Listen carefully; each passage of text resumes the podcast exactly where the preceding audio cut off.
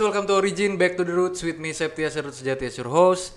Dan pada kesempatan ini gue ditemenin oleh sosok yang mungkin udah nggak asing lagi di telinga anak-anak muda Lampung ya. Khususnya generasi 90-an mungkin. Jadi siapakah dia? Langsung aja gue udah sama Bang Rian Madia. Halo. Ya Bang, terima kasih udah mau hadir di sini. Sama-sama. Jadi ini adalah eh, episode perdana kita dari Origin sendiri dan tujuan kami buat ngadain ini tuh kita pengen buat eh, kita pengen nonjolin lah sosok-sosok yang memang punya menurut kami punya values tersendiri, punya pengalaman-pengalaman yang bisa diceritakan dan yang sepak terjangnya udah nggak bisa kita remehin di Lampung, bahkan mungkin di luar. Jadi dari Bang Rian sendiri apa kabarnya nih? Gue selalu baik-baik aja. Selalu baik-baik aja. Saya selalu bergembira. Selalu bergembira, bagus dong. Nah, jadi bang, eh, menurut kami ya dari kacamata gue lah, lebih lebih dari kacamata gue sendiri, eh, lo kan udah banyak banget nih movement-movement yang lo lakuin mungkin dari dulu, baik itu di bidang musik, di bidang broadcasting dan juga bidang permotoran nih. Jadi mungkin pada hari ini kita bakal nge-breakdown itu semua. Kita minta, kita bakal minta, bakal maksain lo buat cerita soal itu. Jadi no problem ya bang ya? Nggak apa-apa banget karena gue sih dibilang banyak enggak ya mungkin banyak yang lebih senior cuman mudah-mudahan dari pengalaman gue yang pernah gue lakuin jadi semangat dan juga jadi apa ya bisa diambil yang bagus buat teman-teman yang jelek-jelek gak usah. Gitu. Nah bang, kalau lo sendiri lebih seneng nge-present diri lo sebagai apa nih kalau sekarang? kalau saat ini ya gue apa adanya ya. Berarti gue gue pertama seorang abdi masyarakat Abdi gue pegawai negeri. Oke, lalu gue bisnismen bisnis. tapi bukan bisnismen besar-besaran ya. Iya, soalnya gue emang suka berbisnis apa pun walaupun kecil. Hmm. jadi gue sekarang punya usaha clothing lalu gue masih buat desain tapi nggak profesional buat urusan kantor kantor-kantor urusannya sama gue Hmm. lalu yang terakhir ke depan mungkin gue mau bisnis ikan Oh, bisnis cie ikan. om-om banget ya Ikan apa tuh bang kalau boleh tahu? ikan koi Ikan koi. Ya emang kalau untuk hobi-hobi gitu kayaknya sih emang worth it juga sih bang. Worth it soalnya buat gue bukan uangnya sih yang pertama Hmm. emang itu emang hobi gue yang baru Iya iya. udah hobi gue udah melangkah ke agak om-om suka Hmm. ikan-ikanan dan gue lihat ada peluang bisnisnya Oh gitu. berarti sekarang udah bukan Rian PPF lagi gitu ya? no gue nggak PPF lagi PPF itu resmi gue serahin ke Rajib Oke. dan teman-teman di PPF itu tahun 2015 gue Oh, udah udah lama berarti. udah sekarang tahun keempat ya berarti ya 2016 lah tahun keempat lah sekarang dan itu gue mutusin berhenti nge DJ tahun 2016 jadi sekolah DJ gue tutup DJ gue berhenti sewain alat DJ nggak ada lagi yang terakhir party organizer. Kan dulu PPF itu selain DJ manajemen juga party organizer. Kenapa kita nyebutnya party? Karena emang kita konsentrasi nih cuman buat event khusus electronic dance music. Kayak orang nawarin buat konser rock kayak atau gue nggak mau. Nah itu udah gue sering ke Rajib jadi sekarang sudah punya Rajib. Oke. Gitu. Jadi match Rian PPF udah nggak ada lagi sekarang. Gak ada. Nah bang, eh, ini kan kalau PPF kan berarti move, salah satu movement lo di bidang musik ya. Mm-mm. Nah kalau gua tanya, lo itu awalnya suka sama musik itu dari mana? Hmm, gue urusin dulu ya. Iya. Gue gue suka semua musik yang bagus menurut gue. Ah, Khusus- menurut lo ya? Yes, kan yang su- khususnya musik rock. Kedua, elektronik dance music. Hip hop gue suka. Hmm. Cuman kebetulan memang gue suka musik dari kecil karena emang keluarga gue, khususnya bapak gue memang dulu punya radio, namanya radio anak enggal. Zaman dulu masih AM belum ada FM. Iya, Jadi kita tuh muternya karena AM lebih luas kan. Radio tuh di Enggal bisa didengerin sampai Bengkulu sampai Palembang. Oh, tapi itu ilegal. Ya zaman dulu Iya, iya. sebenarnya udah ilegal karena harus ada atu- aturan kan. Tapi tahun 70-an ya itu sih sah-sah aja ya. Gitu, nggak ada yang protes. Jadi dari situ lo mulai kenal sama lagu-lagu luar berarti. Iya, di rumah gue nemuin piringan hitam punya bokap. Hmm. Lalu kakak gue beda umur 10 tahun sama gue. Jadi gue masih SD, dia sudah am- udah SMA awal-awal. Jadi gue dengerinnya kaset-kasetnya kakak gue. Jadi gue main tuh dari kecil sama yang lebih tua karena gue suka musik. Yang tua-tua buat gue musiknya proper. Hmm. gitu di dikala teman-teman seangkatan gue musiknya uh, lumba-lumba Ah, ya iya, kan iya. si Batman gue suka juga cuma maksud gue ya itu sih musik lucu-lucuan aja ya buat gue gitu Berarti wawasan lo soal musik itu udah ada dari kecil ya? iyalah lingkungan gue Lingkungan lo. pada suka musik jadi gue suka lah gitu Itu apa aja yang lo sering dengerin? kalau dari bokap gue rock Led Zeppelin, Black Sabbath, Creedence Clearwater Revival, Beatles dan lain-lain. Kalau dari kakak gue itu udah masuk ke metal dari Megadeth, Anthrax, Iron Maiden. Dulu gue paling suka emang dua Megadeth sama Iron Maiden karena dua band itu poster bandnya selalu Keren. keren-keren. Selalu yang zombie-zombie gitu. Ya tuh zombie tengkorak Iya. gitu. Jadi lo emang sukanya yang hardcore-hardcore gitu ya? Kalau buat kebetulan. desain ya? Kenapa? Kalau buat desain-desain tuh lo sukanya hardcore-hardcore gitu? Yap, sukanya begitu walaupun nggak semua desain gue begitu ya, Iya, karena iya. gue juga harus memenuhi kebutuhan Iya. pasar. Jadi kalau ikutin idealis gue doang, tengkorak semua, anak muda kan katanya mau simpel. Walaupun gue ikutin pasar juga nggak jadinya menjual diri, nggak berarti pasar maunya A, gue turutin A, tapi minimal oke lah, gue ambil jalan tengahnya. Gue buat yang lebih simpel tapi tetap ada garis-garis kerasnya lah dalam arti nggak terlalu pop ya desain gue Hmm. Iya, iya. gitu. Nah itu kan roots lo berarti dari situ kan mulai. Nah terus eh, sepanjang perjalanan hidup lo, lo udah ngapain aja kalau di bidang musik? Ya, Ngeband juga? gue ngeband. Oh. Yang pasti gue satu kolektor musik. Iya. Jadi gue emang koleksi kaset dari kecil dari SD. Iya. Lalu gue SMA, gue nggak bisa main musik, gue ngeband. Jadi vokalis berarti ya? Karena nggak bisa main musik, gue egois, gue vokalis. Kenapa nggak bisa tuh? Eh, lo emang nggak belajar? Belajar, gue beli gitar, Hah? beli gitar, latihan. Gue beli buku dulu, Hmm. gitu ya. Dulu ada namanya Fajar Agung. Ya, Iya, masih buka- ada, eh, iya. bukan, namanya Gunung Agung. Udah nggak nggak tahu kan? nah, itu dia. Gunung Agung. Jadi gue beli, tapi emang nggak bisa bisa. Nggak bisa bisa. Nggak bisa bisa. Jadi lo mulai ngeband itu jadi vokalis. vokalis dengan suara terbatas tapi kebetulan emang nggak perlu suara bagus karena gue ngeband selalu emang musik bawah tanah Genrenya apa? gue SMA punya band namanya Lampung Merdeka Waduh, itu mu- music stylenya grunge grunge. Berarti kayak Nirvana gitu. dulu Nirvana belum ngetop jadi gue mainin itu Nirvana. Alice in Chains, Pearl Jam gitu lalu gue lulus SMA gue bikin band lagi industrial jadi gue bawain Marilyn Manson, Nine Inch Nails gitu Nah, dari selama pengalaman lo ngeband, yang paling berkesan itu apa? movementnya. Hmm. karena gue ngeband semuanya underground. Dan gue mulai manggung di total underground yaitu komunitas underground di Lampung Iya. yang paling besar waktu itu ya movementnya. Gue ngeband nggak bawain lagu wajib karena gue anti festival. Gue pagelaran. Gue daftar gue manggung. Lagunya suka-suka gue pilihan gue. Yang gue bawa-bawain yang gue suka-suka aja bandnya lalu kita orang susah semua di sana. Nggak mandang lu siapa mau kaya atau miskin ketika kumpul di komunitas underground kan emang kita penuh perjuangan. Satu musik kita nggak diterima masyarakat umum. Iya. kedua acara kita kere tapi rame. Nah movement gue ya itu buat gue movement gue. Walaupun di ujung-ujung juga gue membuat indie album eh, full. Jadi di bawah recording gue namanya dulu Babi Records. Jadi gue buat sendiri Eh, lalu gue record di Lampung penggandaan di Bandung. Gue bikin pertama kali indie album yang covernya printing full color.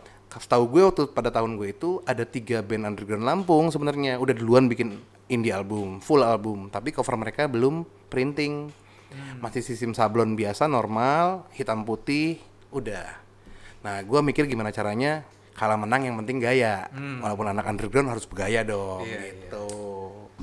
Nah terus eh, berarti zaman dulu itu banyak gigs ya? Oh, banyak, banyak, Banyak. banget. Festival ada. Hmm.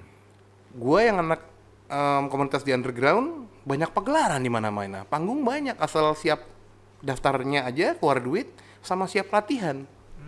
Gitu. Dan banyak zaman- banget. Zaman dulu juga. Kalau di zaman gua SMA itu kan zaman-zaman gua mulai ngeband tuh bang. Mm-mm. Dan itu emang berkembang banget sih. Maksudnya ya kompetitif lah buat anak-anak SMA. Dan zaman dulu juga seperti itu. Zaman dulu justru SMA suka Iya. bikin, Suka bikin. tapi nggak sebanyak sekarang. Hmm. Jadi kita nggak lirik deh. Yang suka bikin itu dulu ya IO, kampus-kampus, Hmm. sama em, kayak kantor-kantor. Misalnya bank ini bikin, bank itu bikin. Tapi itu untuk yang festival ya. Iya, iya. Kalau gua kan komunitas underground, namanya total underground. Yang bikin ya kita kita lagi. Ujung-ujungnya kita kita lagi semua urunan. Hmm. Dan banyak tuh peminatnya. Oh banyak. Yang nonton juga banyak. Kita lebih banyak dari festival Oh, komunitas underground iya, nonton iya. bisa seribu tuh di Gor Saburai Hmm. Gitu, banyak, selalu Gor banyak. Saburai. Di Gor Saburai. Ya semuanya tuh anak punk, anak hardcore, anak death metal, anak grunge. Hmm. Gue kebetulan satu-satunya band industrial. Jadi gue kalau ngeband awal-awal nggak yang paling gak ada mosing gue. Karena musik gue aneh sendiri. Hmm. Iya, iya, Dan mereka kan geng-gengan, anak punk, band, anak punk kan band rusuh punk yang ya. manggung, anak punk maju. Iya, iya. Band hardcore yang manggung, anak hardcore maju. Tapi tertib ya. Enggak tertib juga sih. Kita berantem tiap hari tuh biasa di Oh, sana. biasa. Iya, nggak tertib lah. Cuman semua jadi sahabatan pada intinya, Hmm. pada akhirnya itu masih zaman ABG lah ya yang rasa punk lebih hebat dari hardcore. Ini maksud gua kita udah gede pada akhirnya sih ketawa-tawa aja ya. Iya. Jadi Nggak ada gunanya sebenarnya. eh, Nah setelah lo ngeband itu, kapan lo pertama kali terpikir untuk jadi DJ? Ketika Apa lo udah capek ngeband atau apa tuh alasannya? gua nggak capek ngeband, tapi waktu itu gua mutusin ketika keluar indie album gua itu gua mutusin untuk stop ngeband karena gua manggung waktu itu belum pakai sampling. Kan band gue industrial, gua nggak pakai drummer. Jadi drummer gue digital. Waktu gua ngeband saat itu gua masih nggak punya duit banyak. Gua drumnya samplingnya pakai PlayStation 1, bawa TV monitor. PlayStation tuh ada games namanya MTV Generator. Itu bisa buat lagu producing sama seperti Ableton tapi bedanya lebih nggak canggih. Ah, jadi lo bawa-bawa PS dong? Bawa PS, gue taruh di tempat soundman, gue kasih kode dari panggung, play. Nah, jadi drumnya udah dimainin tuh digital, kita udah buat di rumah. Cuma lo sendiri pasti kayak gitu ya? Wak- di Lampung waktu itu gue sendiri. Ah, Dan emang lo pernah lihat juga yang seperti itu? Enggak pernah. pernah ya? itu ide gue aja, karena gue Iya, pengen iya. ngeband industrial, gue nggak punya duit, nggak punya sampling, gue bikin itu. Tapi it works ya? Ya works lah, sampai bikin album tuh, Iya gitu loh. Itu si PlayStation itu sampai gue bikin album ya pakai itu. Hmm. Drumnya di tag pakai PS itu. Berarti Gitu. pakai memory card banyak banget dong tuh? Iya bisa 20-an gue bawa Hmm. gitu. Satu untuk satu lagu, yang lainnya cadangan. Nah gara-gara itu juga gue mutusin waktu itu gue nazar sama teman-teman gue band. Sebelum gue punya sampling, gue nggak mau ngeband lagi. Hmm. Gue harus maju. Nah, sedangkan teman gue mau terus dengan komputer yaitu uh, aplikasinya Fruity Loop. Ya udah dia jalan sendiri teman gue. Kita nggak musuhan, tenang-tenang aja. Gue party jadinya Hmm. karena di klub zaman dulu di Lampung masih zaman piringan hitam belum ada musik-musik kayak di angkot masih bagus dan akhirnya gua udah mulai tuh ah udah deh karena gue suka party nah gue makinnya mulai pelajarin dance music gitu karena nggak jauh juga kan dari musik industrial Iya. sama-sama elektronik gitu loh Nah terus ketika lo memulai langkah lo sebagai DJ, itu di Lampung udah banyak DJ-nya atau belum? oh pada saat itu DJ banyak Banyak? nggak sebanyak sekarang Iya iya. Tapi kebetulan DJ-DJ waktu itu semuanya sudah beralih ke musik angkot. Hmm, house-house angkot gitu ya? Ya, sebenarnya gue protesnya kalau dibilangin house. Iya, sebenarnya house music yang bener tuh nggak ada hubungannya sekali dengan yang disebut orang Indonesia. Sebenarnya bergengsi musik house itu ya. Kayak jazz yang bener. Gitu. Dia lebih ngejazz, lebih rumit. Gitu. Iya, karena kalau denger house music tuh jatuhnya kayak ya lo lo pasti pernah denger lah orang-orang yang beranggapannya kayak gua kayak musik-musik dugem di angkot itu kan jadi jadi jatuhnya orang oh itu musik house tuh. Mm-mm. Banyak tuh yang kayak gitu, Bang. Sebenarnya miris sih. Iya, jadi lo lo sedih kalau denger kayak gitu. Oh sedih karena emang jauh banget nggak ada hubungannya sebenarnya gitu. Berarti emang eh, wawasan lo tentang musik itu nggak cuma tahu ini itu ini itu tapi lo juga ngulik sejarahnya berarti ya? Kebetulan saya kalau gue em, emang suka, gue anak IPS kebetulan juga ya, jadi emang gue suka baca dan Iya, iya. Gue apa yang gue kerjain pasti gue cintain. Hmm. Jadi apa yang gue kerjain pasti gue pelajarin.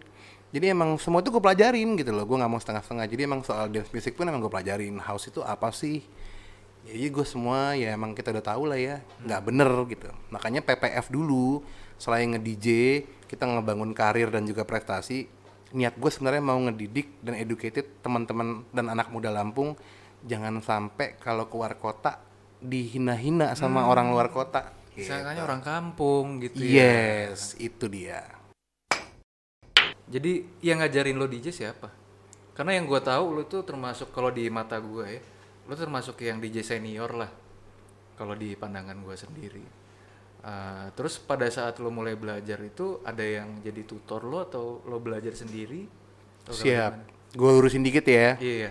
Jadi kalau senior tuh enggak. Hmm.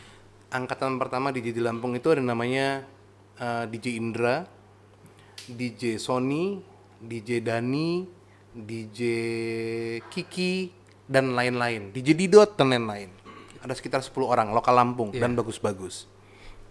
Mereka keren, tapi sayangnya di tahun-tahun 93-an atau 94-an mulai masuklah musik-musik angkot itu. Beberapa dari mereka kebanyakan malah agak lari ke sana. Jadi melenceng. Nah, ketika gua hadir lagi tahun 99 sampai 2000-an, gua pertama kali lagi yang main musiknya proper. Proper tuh bukan berarti keren ya, tapi gini, yang gue mainin di Lampung sama yang lu denger di Eropa, ya sama. Rootsnya memang. Sedangkan yang dimainin mereka sudah cuman ada di Indonesia, Thailand, Malaysia. yang udah berbau-bau berbeda ya. kekoplok-koplokan. Koplok bagus, nggak masalah. Roots kan. Tapi kalau koplok dicampur-campur begitu, kayak lo makan McD dicampur rendang kali ya. Gitu. Nah, tapi emang zaman dulu tuh DJ DJ-nya tampilnya di mana, Bang? Kayak sekarang ini atau gimana? Nah itu dia. Dulu mereka senior gue. Iya. Mereka sudah jadi residen DJ semua. Hmm. Gue masuk musik gue beda. Dengan komunitas yang di umur-umur mereka, gue dihina-hina. Musik apa nih? Gitu loh. Sok Jakarta lo katanya gitu. Akhirnya gue dari dulu gue buat ref tapi kecil-kecilan. Gue buat di Mall Kartini. Itu ada cafe gue sewa. Lalu di dulu Artomoro sekarang namanya apa ya? CP Ah, sekarang, CP, Central Plaza. Central Plaza.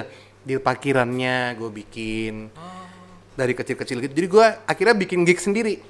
Gue nggak dapat klub, gue bikin gig sendiri. Nah dari situ gue banyak yang suka sama musiknya bukan gue ya. Oh keren juga nih gini-gini. Akhirnya kita main, akhirnya buat ref gede-gede. Gitu. Berapa tahun tuh Bang prosesnya dari lo belajar DJ sampai lo bisa tampil di depan orang-orang? 2001, 2000 gue belajar. 2001 gue main untuk ulang tahun ulang tahun dulu. Hmm, iya iya. ulang tahun, lalu acara kayak radio, acara di kafe-kafe. 2004 baru gue mulai nge-gigs Hmm. di kafe yang lebih besar. Dan itu berjuang gue bikin ref pertama kecil-kecilan tuh mulai. Hmm. 2006 baru gue bikin ref gede, 2007 terus ke atas dan gue kebetulan bisa buat klub. Tahun 2007 tuh gue bikin Space, Space Lounge Lounge, dulu. Ya, gitu. Dan itu bukan punya gue sebenarnya Ah. ada orang satu yang punya modal, gue disuruh jalanin, dan gue disuruh ngaku itu punya gue. Gue terima dong, kan Iya, dibilang iya, orang kaya, ya enggak? Image kita langsung naik gitu ya, cloud kita langsung naik. yes. Gue tuh pernah tuh Bang ke Space Lounge itu kelas 1 SMA. Bukan juga SMP ya? Bukan. Oh. Gue bingung juga sih kenapa boleh dimasukin. Cuma emang kayaknya sih itu sih yang pertama kali emang ngeger- ngegebrak Bandar Lampung sih kalau menurut gue. Langsung kayak orang-orang tuh, wih keren nih KSL, KSL. Lo ngerasain itu juga gak sih? Iya, gue kalau di kantor tuh orang pada ngomongnya pislong. Oh, Eh kita ke pislong gitu. Iya, Iya ngerasain lah gue ya. Karena kebetulan juga nih kita berdiri di waktu yang tepat. Hmm. Di saat Indonesia lagi butuh musik yang proper dan kebetulan di Lampung ada satu kafe tutup. Satu klub tutup. Jadi gue cuma satu-satunya tempat dengan format klub atau kalau kata orang dulu diskotek ya yang buka. itu diterima masyarakat banget itu ya. Hmm, ya lumayan. Tira, sempit loh. Lu jalan tuh Iya, pokoknya kayak udah rave party di di acara besar, sempit. Emang tempatnya selalu kecil. Iya. Gitu, tapi homey banget gitu. Dan kita musiknya nggak sampah tuh. Hmm. 2007 aja kita musiknya udah strictly tech house, house, malam itu trance. Trash. Gitu. Nah, balik ke kayak lo bilang nih musiknya bukan sampah. Mm-mm. Berarti kalau lo mengkategorikan DJ, DJ yang bagus menurut lo itu kayak gimana, Bang? DJ sih buat gue, Sep, yang paling penting nggak bisa bohong, skill. Skill. Kemam- kemampuan dulu menggunakan alat DJ. Jadi lu mau punya selera tinggi pun, gua underground banget nih, ya lu nggak bisa main dan lu bilang lu DJ ya buat gua ya sampah juga gitu. Yang pertama skill yang paling benar. Belajar dulu, mau otodidak ya mau belajar, jadi skill. Yang kedua, music, music knowledge. Lu harus ngerti dong. Kalau lu cuman taunya lagu-lagu hits doang, nyontek-nyontek DJ, yang ini keren, gue puterin. Buat gue sih lu bukan DJ, musik operator. Ngomongnya techno tapi ternyata bukan. Benar. Jadi tuh lu harus koleksi musik, belajar soal musiknya, soal genrenya, mengenali. Karena jadi DJ itu bukan mainin doang. Kalau bisa sebenarnya lu jadi kayak mainin lagu-lagu koleksi dan yang lu suka dan orang mudah-mudahan suka. Jadi jangan hits maker, jangan cuman mainin lagu orang. Iya, iya. Bukan hits maker maksudnya cuma niru-niru. Harusnya lu hits maker gimana caranya? Lagu keren buat lu keren lu mainin dan itu jadi hits. Nah itu baru proper buat gue. Tapi, emang susah. susah sih ya. karena DJ semua mayoritas mau main aman. Karena orang jadi DJ awalnya udah salah. Niatnya pengen jadi selebriti. Gitu. Tapi menurut lo dunia DJ, misalnya kayak gue nih bang, eh gue emang dari dulu ya, bukan dari dulu sih, tapi dulu emang sempet punya niatan, wih kayaknya jadi DJ seru nih. Tapi langsung ditolak sama orang rumah, karena image-nya itu langsung, wah kamu itu bakal keluar malam terus. Nanti lingkungan kamu bakal deket-deket sama yang narkoba, minuman, alkohol segala macem. Dan itu juga pasti lo rasain dong. sangat, Sangat. standar itu sih Dan lo gimana nanggepinnya? Ya, kan buktiin aja. Pedes banget pasti. Gak kalau gue sih bodoh. Yang penting gue buktiin gue jalan terus. Satu gue nggak pernah kasus. Hmm. kasus tuh baik yang ketahuan ataupun nggak ketahuan ya. Kan jadi gue aman. Jadi maksud gue emang gue ngasih pulang ke rumah pulang sehat. Nggak pernah ada panggilan apa pun dari pihak aparat. Dan gue tunjukin prestasi. Jadi buat gue sih cuek aja. Tapi emang kehidupan DJ emang seperti itu ya. harus. Karena memang pasti dibilang orang begitu. Padahal kan kita yang jalani belum tentu. Contoh gue jadi DJ udah biasa diomongin pasti kalau laki ya gue pasti seks bebas atau gue main perempuan. Yang kedua narkoba. Yang ketiga alkohol. Pasti kan? Kalau gue mikirnya gue emang orangnya bodoh amat.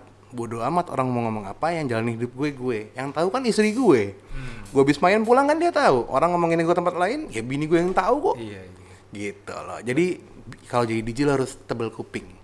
Nah resikonya kalau jadi DJ dan lu emang seancur itu pakai narkoba seks bebas dan alkohol itu resiko lu sendiri. Berarti emang lu yang jelekin diri lu sendiri dan pekerjaan DJ lu gitu. Tapi emang tekanan maksud gua eh, pengaruhnya itu emang bener-bener deket sama seorang DJ ya.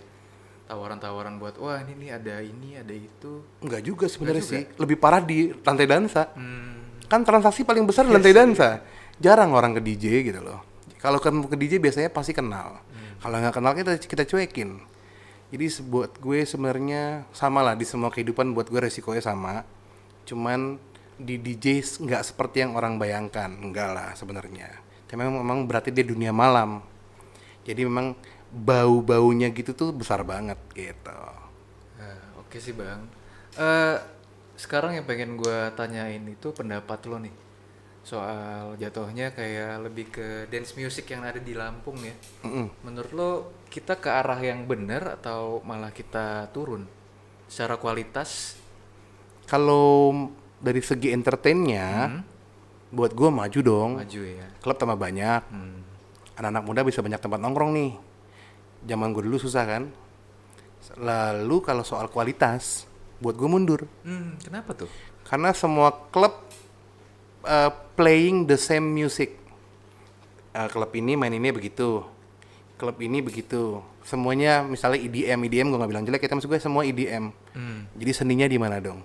Yang suka techno rumahnya di mana? Iya sih. yang suka house su- di mana? Yang suka drum and bass di mana? Nggak ada pilihan kan di Lampung? Iya, tapi emang mau gimana juga pasarnya sukanya yang seperti itu sih bang. nah itu dia. Yang gue salahin emang bukan orang-orangnya bukan io nya harusnya DJ DJ nya kenapa DJ muncul terus tapi nggak punya yang nggak ada yang satu berani gue mau punya idealis gue sendiri deh. Gue yakin kok DJ DJ itu pasti punya idealisnya sendiri. Cuman kalah sama egonya. Gitu. Pengen terkenal pengen cepet nyari uang itu aja sih.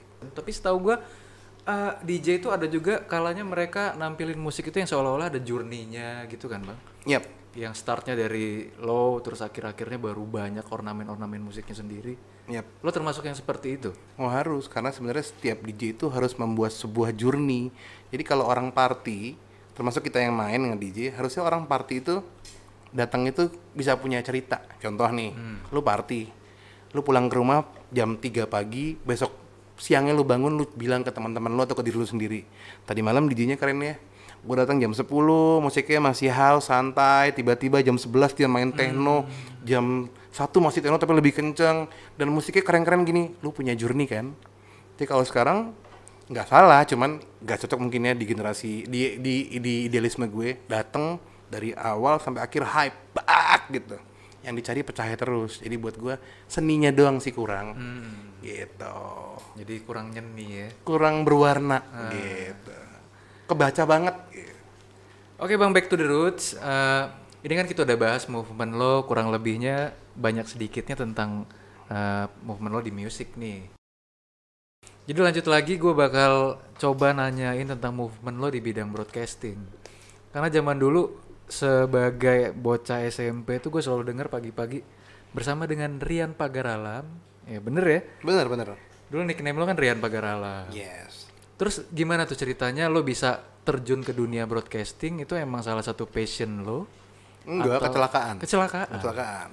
Jadi gue pulang kuliah tuh kadang gue bawa kendaraan, kadang bawa motor, kadang gue naik angkot. Nah kalau naik angkot di Hmm. Lewat rumah pasti. gue turunnya tuh di eh, house cokro tuh. Hmm.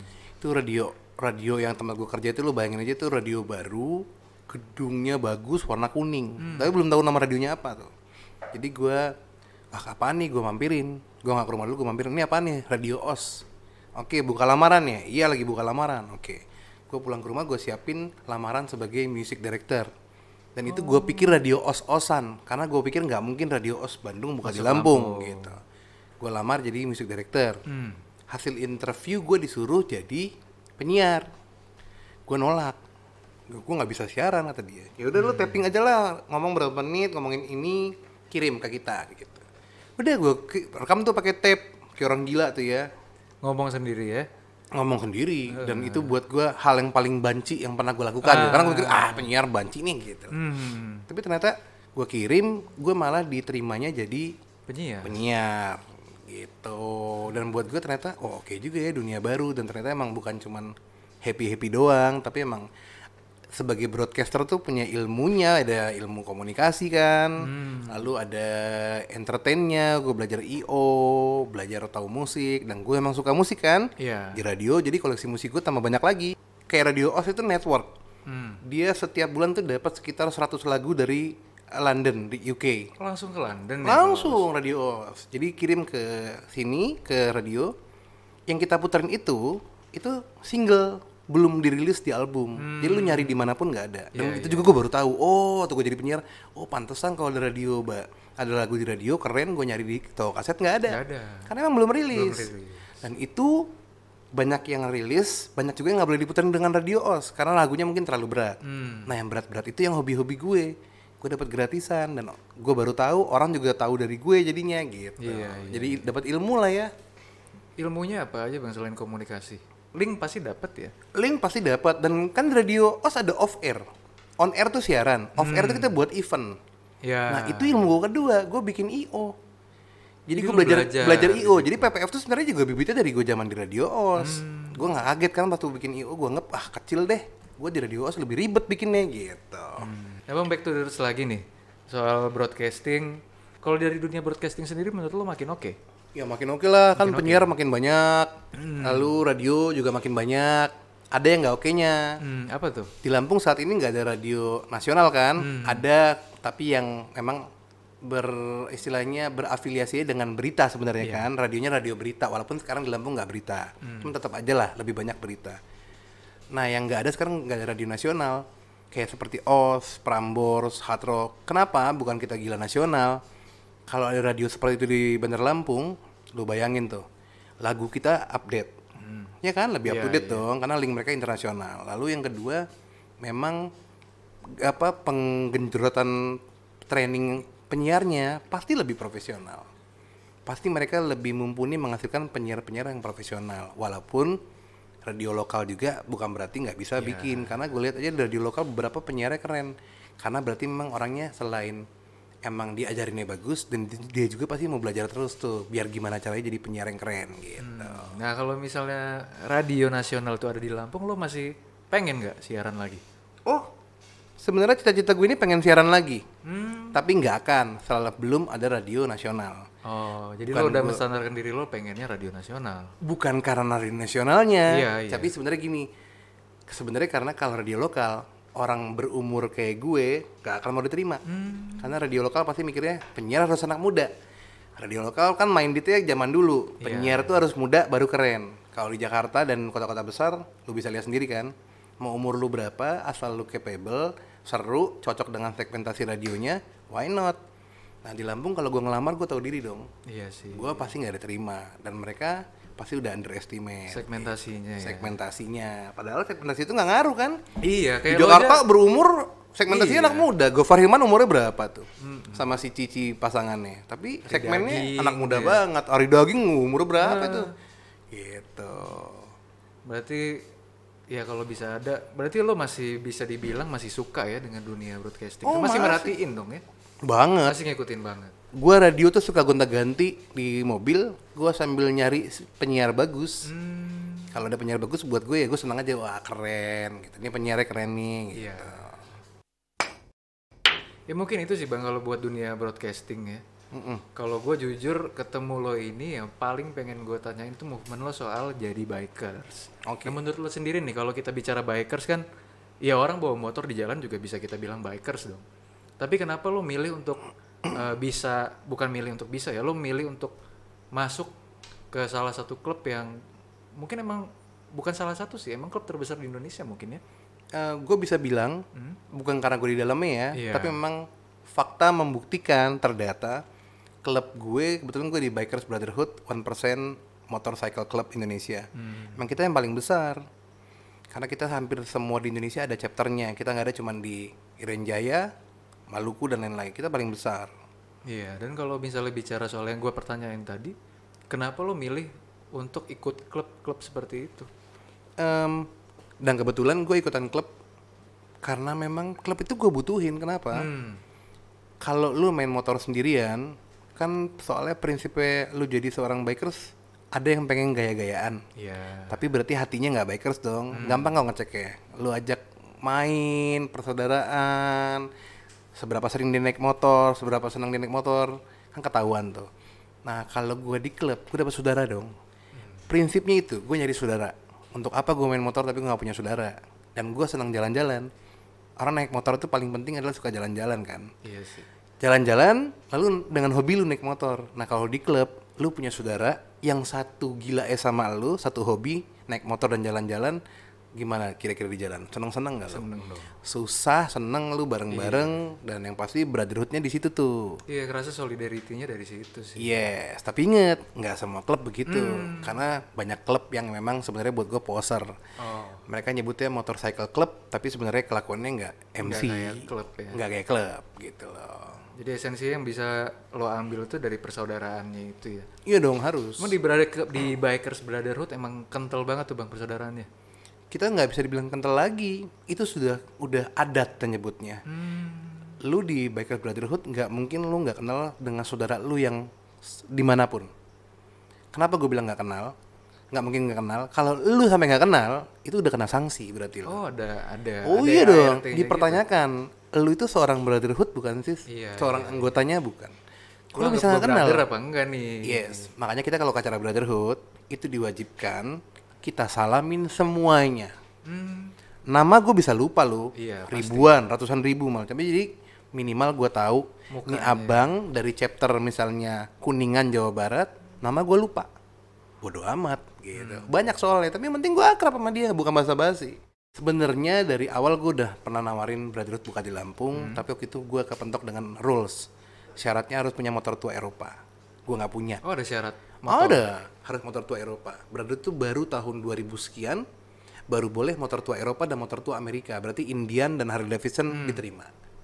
Gitu. Nah, akhirnya gue 2011 gue di Brotherhood tapi belum jadi anggota tuh. Gue jadi prospek dulu. Oh berarti lo kalau mau masuk Bikers Brotherhood nggak langsung diterima-terima gitu aja dong? Oh iya dong.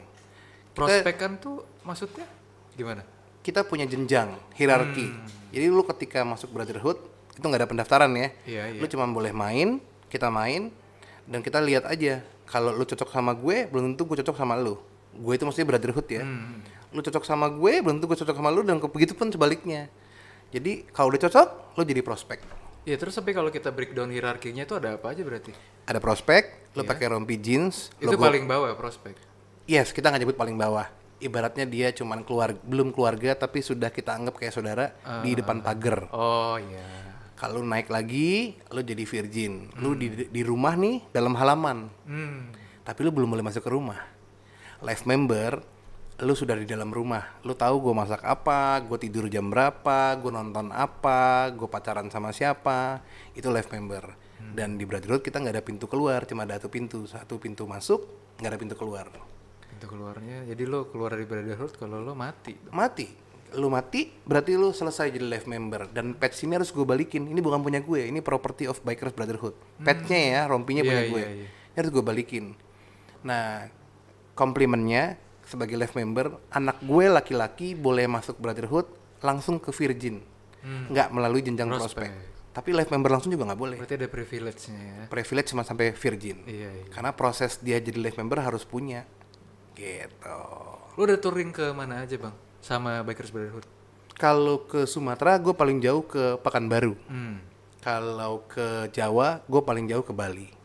Banyak event ya Bikers Brotherhood? Gue rata-rata malah nggak banyak event, karena gue bukan salah satu bikers yang suka ngumpulin pin-pin itu ya. Oh iya. Datang iya, beli pin, beli kaos. Kalau gue nggak, kalau gue kenang-kenangan cukup dari foto. Kalau gue demen jalannya. Hmm. Kalau di event kan gitu-gitu doang ya. Jadi kadang-kadang kalau ada acara nih di Bandung atau di Jogja ada acara, gue acaranya nggak datang malah. Gue makan, gue tidur, atau gue kumpul dengan teman-teman di rumah teman-teman gue yang orang sana. Gue nungguin pulangnya kapan nih? Soalnya motorannya yang paling seru gitu. Iya. Kalau acara kan ya keren, tapi kan lu datang sekali, dua kali, gitu-gitu doang kan standar kan? Gitu. Nah balik lagi kayak tadi motornya kan motor-motor tua tuh. Mm-mm. Berarti selama di perjalanan lama banget dong itu. Oh iya dong. Di Brotherhood itu makanya kita selalu melatih persaudaraan itu sangat kuat. Lu pernah dari sini ke Bakauni 12 jam? Oh ya belum dong. Belum ya. Lama sekali Dan ya. sih Dan kita sering. Ke Anyer 26 jam sering. Kenapa? Saudara-saudara gue punya motor tua. Hmm. Kalau motornya mogok, satu orang dua jam. Kalau lima orang 10 jam. Iya iya. Jadi kita udah biasa. Berhenti nungguin semuanya ya. Harus, harus nungguin. Nggak ada yang, weh gue duluan ya. Nggak boleh, nggak boleh. Kalau kayak gitu kena sanksi tuh bakal. Pasti. Pasti. pasti ada kena sanksi sama kita namanya hukum adat Hmm. gitu kita nggak punya DRT adanya black book white book Black book itu untuk black book itu rules yang rahasia di brotherhood oke.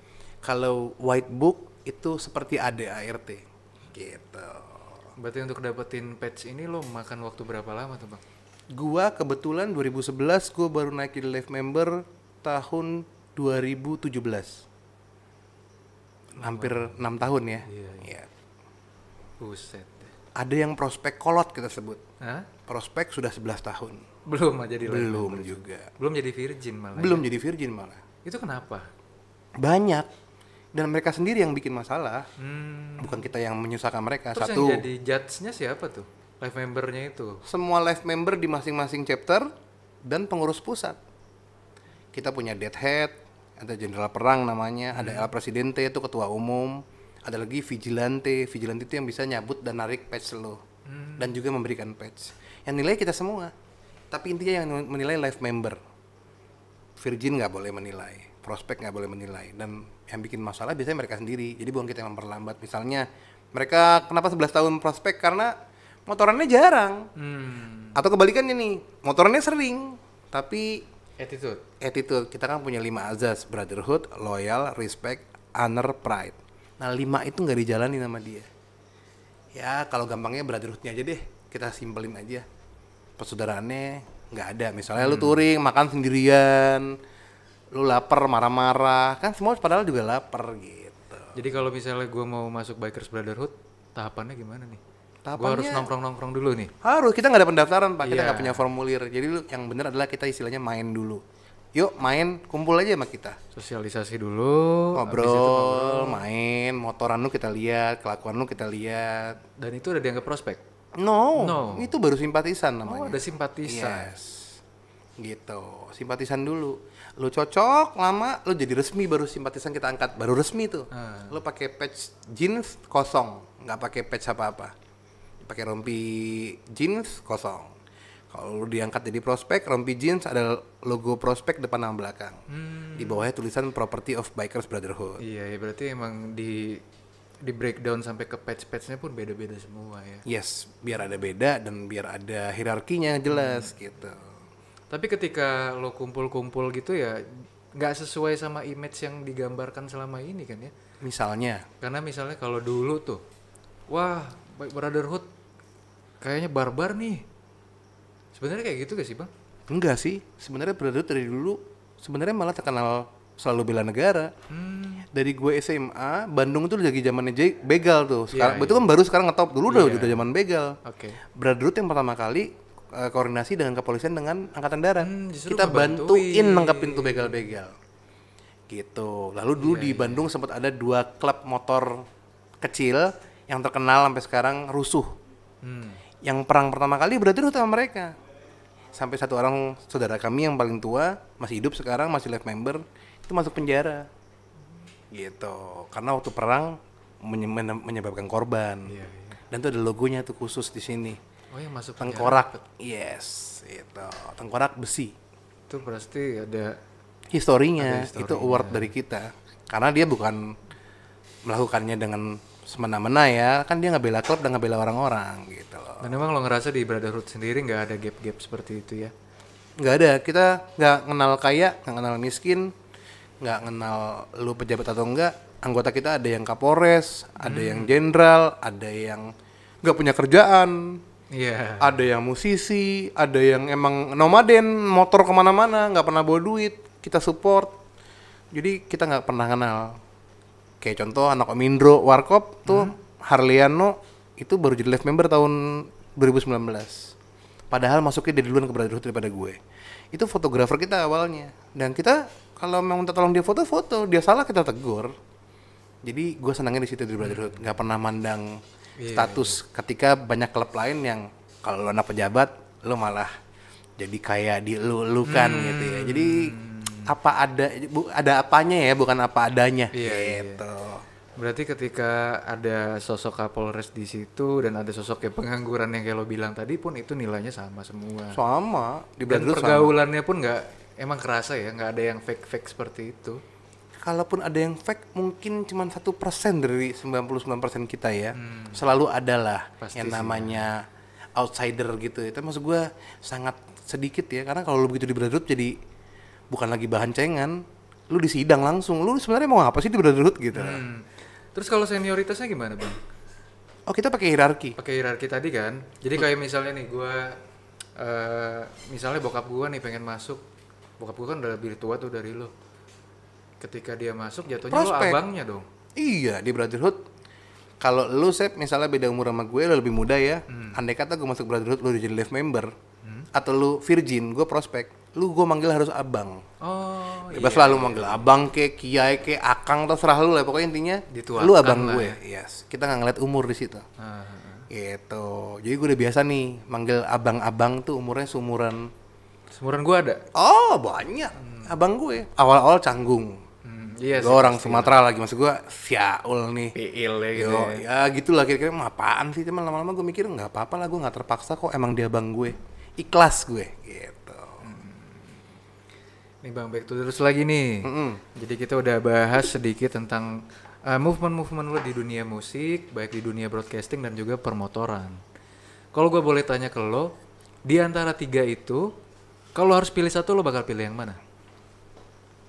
dulu gue jawab musik Hmm. tapi karena musik gue tinggalkan dengan satu tujuan dan satu alasan sekarang tersisa gue passion gue motor dan buat gue motor akan gue lakukan sampai mati sampai gue nggak bisa lagi naik motor. Live dan right, memang nggak akan ada halangan lagi gitu loh. Jadi bu sekarang kalau sekarang nanya gue motor.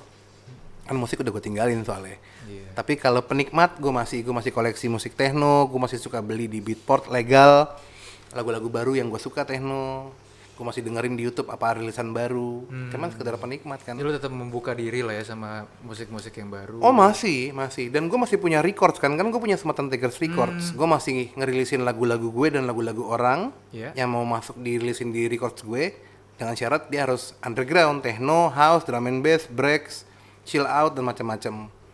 Jadi gue masih di musik masih producing dan masih nikmatin. Tapi kalau hidup gue sekarang ya tersisa motor hobi gue. Hmm, sama next movement mungkin ikan tadi ya. Wih, yoi, itu proyek om-om tuh. iya iya. Proyek bapak-bapak biasanya kan main burung ini main ikan. Ya gue main bu main ikan lah, main burung tuh terlalu ribet ya buat gue ya, terlalu lebih gadun itu. Ya jadi mungkin itu sih bang yang udah ya yang pengen kita breakdown sedikit, pengen kita cari tahu pengalaman-pengalaman lo. Jadi terima kasih banget udah sempetin hadir di sini, udah sempet berbagi cerita. Dan mungkin nih bang kalau lo mau ngasih mungkin sepatah dua patah kata buat uh, generasi di bawah lo nih, apa tuh kira-kira? Hmm, harapan gue sih ya, Iya. lu mau bermusik ke, lu mau main motor, mau uh, berseni. Kalau gue sih satu lah, jangan takut menjadi seorang idealis idealis yang tinggi. Karena ketika banyak anak muda milih menjadi mainstream untuk menguber popularitas, mereka harus ingat popularitas kan intinya uang juga ujung-ujungnya. Dibawa mati juga nggak akan kebeli Ferrari sih buat gue kalau seniman gitu loh. Lebih baik lu menjadi idealis, uang lu tetap dapet tapi nggak gitu banyak, tapi kan lu bawa mati karya-karyanya. Syukur-syukur di di jadiin kenangan buat orang-orang ya jadi ilmu. Jadi menjadi idealisme itu buat gue bukan sesuatu yang merugikan kok Iya sih. Kalau kita nggak mikirin uangnya uang juga pasti datang kok gitu aja. Gitu. Jadi harus berani menjadi idealisme. Idealis yang tinggi harus berani banget lah. Gak ada salahnya ya untuk bersikap idealis. sangat nggak ada salahnya harus berani. Lampung per- Lampung perlu gituan. Iya sih. karena gue perhatiin di Lampung banyak sih yang idealis maksud gue lebih banyak lagi yang main aman mainstream aja yang dipilihnya. Apa pun tuh ya musik karir gitu. Oke lah bang, thank you banget Sama-sama. lagi. Dan buat yang nonton, eh terima kasih udah dengerin. Dan semoga bisa ada yang diambil dari obrolan kita berdua. Ya ada gitu aja dari dari Origin. Sampai ketemu lagi dan kalau kalian mau support, gue yakin udah tahu caranya kayak gimana. Jadi Origin, back to the roots.